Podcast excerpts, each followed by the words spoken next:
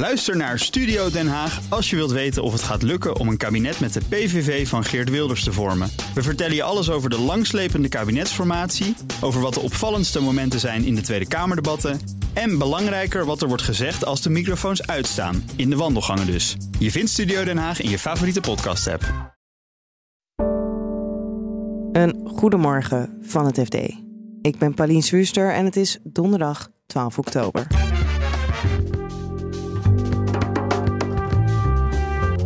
Rutger J., een van beleggingsfraude verdachte Nederlander, was voortvluchtig. En nu blijkt dus dat hij in Amerika, in Miami, is aangetroffen door de autoriteiten daar.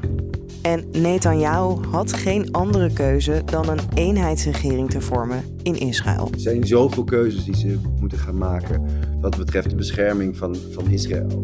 De komende nou, uren al. Dat het enorm uh, in die zin ook wel uh, qua tijd kritiek is dat, dat, dat, er, dat er een oorlogskabinet gevormd werd. Dat ze daar niet langer meer mee konden wachten. Dit is de dagkoers van het FD. We beginnen bij Israël, waar de ontwikkelingen zich ontzettend snel opvolgen. Gisteravond sprak ik met onze correspondent David de Jong over de regering van Nationale Eenheid die premier Netanyahu heeft gevormd.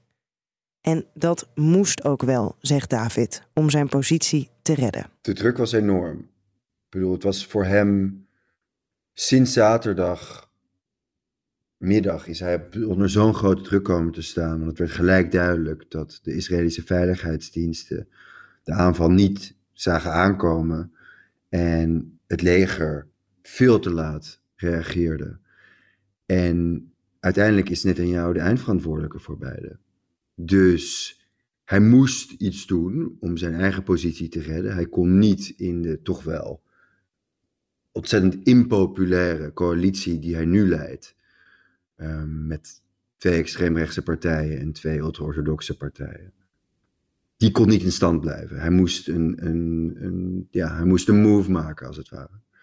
En daarom begon hij gelijk met Benny Gantz te onderhandelen. De voormalige opperbevelhebber van het Israëlische leger en de voormalige minister van Defensie. En die onderhandelingen liepen stroef. Want Netanyahu probeerde toch nog zijn coalitiegenoten in het oorlogskabinet te betrekken. En dat wilde Gans niet. Die wilde niet met extremisten in een oorlogskabinet gaan zitten. En uiteindelijk heeft Gans die strijd gewonnen vanmiddag. En hoe ziet dit kabinet er nou uh, precies uit en wat kunnen ze doen als noodregering? Eigenlijk is het, is het een soort van um, tripartite leiding met Netanyahu als premier um, zijn partijgenoot van Likud, Joachim Galland, als minister van Defensie. En Benny Gans als een soort van, ja, allrounder.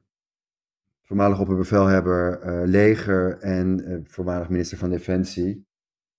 En die moeten de klus gaan klaren. Of dat nou met het grondoffensief van Gaza is, mogelijke invasie van, van Libanon. Dat is niet, ik bedoel, het, moet nu gewoon, moet er iets, um, ja, moeten ze het nu maar gaan doen. In, in, in wel, wel, wat voor hoedanigheid dan ook. Je zegt ze moeten iets doen. Weten we dan ook of dit iets gaat betekenen voor nou ja, de volgende stap in de oorlog of de houding ten opzichte van Hamas, Palestina? Nou dat ligt er helemaal, dat ligt er helemaal aan wat, wat er gaat gebeuren. Gaan ze beslissen voor een grondoffensief in Gaza? Het is nu woensdagavond. Er zijn allemaal berichten over drones die over de um, onbevestigde berichten. Die over drones, die over de Libanese grens, de Israëlische grens met Libanon vliegen. Uh, moeten, ze, moeten, ze, moet er een offensief aan de noordgrens? Moet er, een, moet er tegelijkertijd een offensief gebeuren? Of blijven ze um, Gaza bombarderen en is het offensief aan de Libanese grens? Het is, er is, zijn zoveel keuzes die ze moeten gaan maken wat betreft de bescherming van, van Israël de komende nou, uren al, dat het, dat het enorm uh, in die zin ook wel qua tijd kritiek is dat, dat, dat, er, dat er een oorlogskabinet gevormd werd. Dat ze daar niet langer meer mee konden wachten. Ja, en was dit nou ook een wens van de bevolking? Waren zij hiermee bezig of, of denken ze laat maar met die interne politiek? Ze waren er absoluut niet mee bezig. Het enige waar zij nu mee bezig zijn is, is eh, veiligheid van zichzelf, veiligheid van hun families, eh, veiligheid van de 300.000 uh, mannen die gemobiliseerd zijn om te vechten. Um, ik bedoel, het vertrouwen in de politiek in Israël was natuurlijk de afgelopen tien maanden door de hervormingen van de regering al zo gedaald.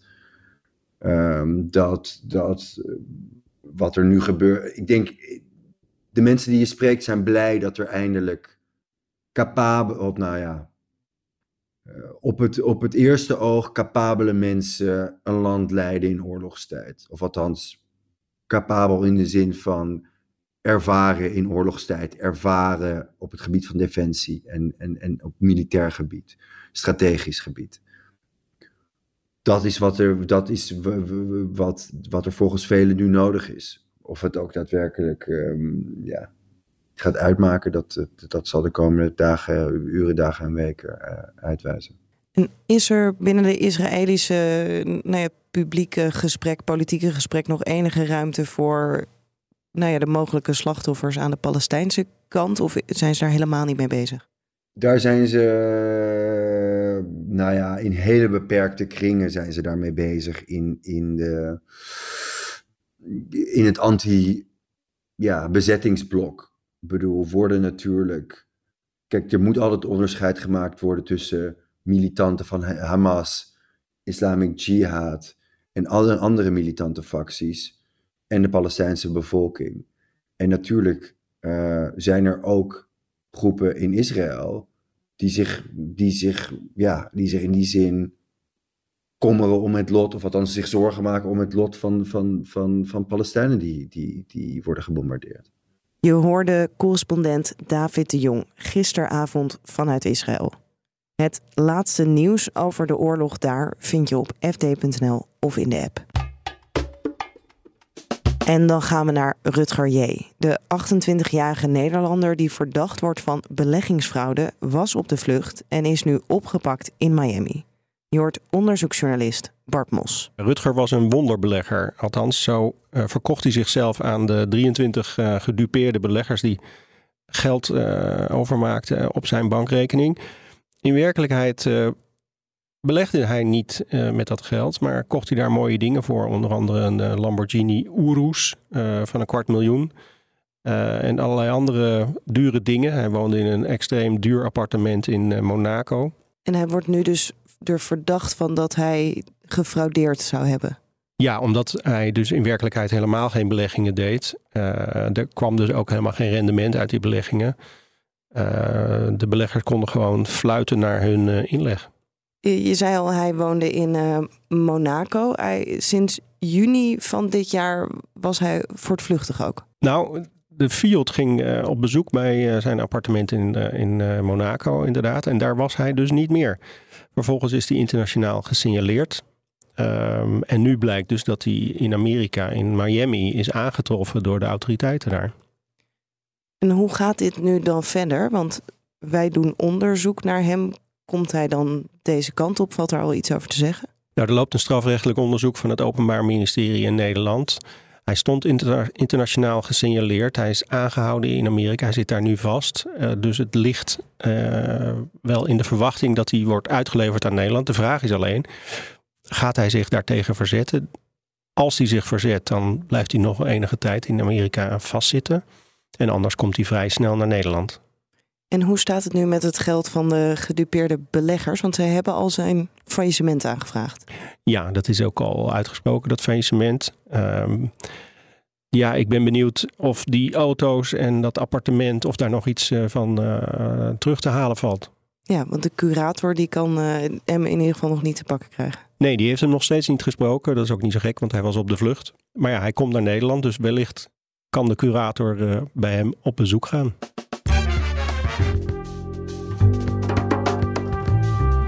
Dit was de dagkoers van het FD. Het laatste financieel-economisch nieuws en de ontwikkelingen in Israël vind je op fd.nl en in de app. Morgenochtend zijn wij er weer met een nieuwe aflevering van Dagkoers. Nog een hele fijne dag en graag tot morgen. Ook Harm Edens vind je in de BNR-app. Je kunt BNR Duurzaam niet alleen live luisteren in de app, maar ook terugluisteren als podcast, zoals al onze podcasts. En naast dat de BNR-app Breaking News meldt, houden we je ook op de hoogte van het laatste zakelijke nieuws. Download nu de gratis BNR-app en blijf scherp.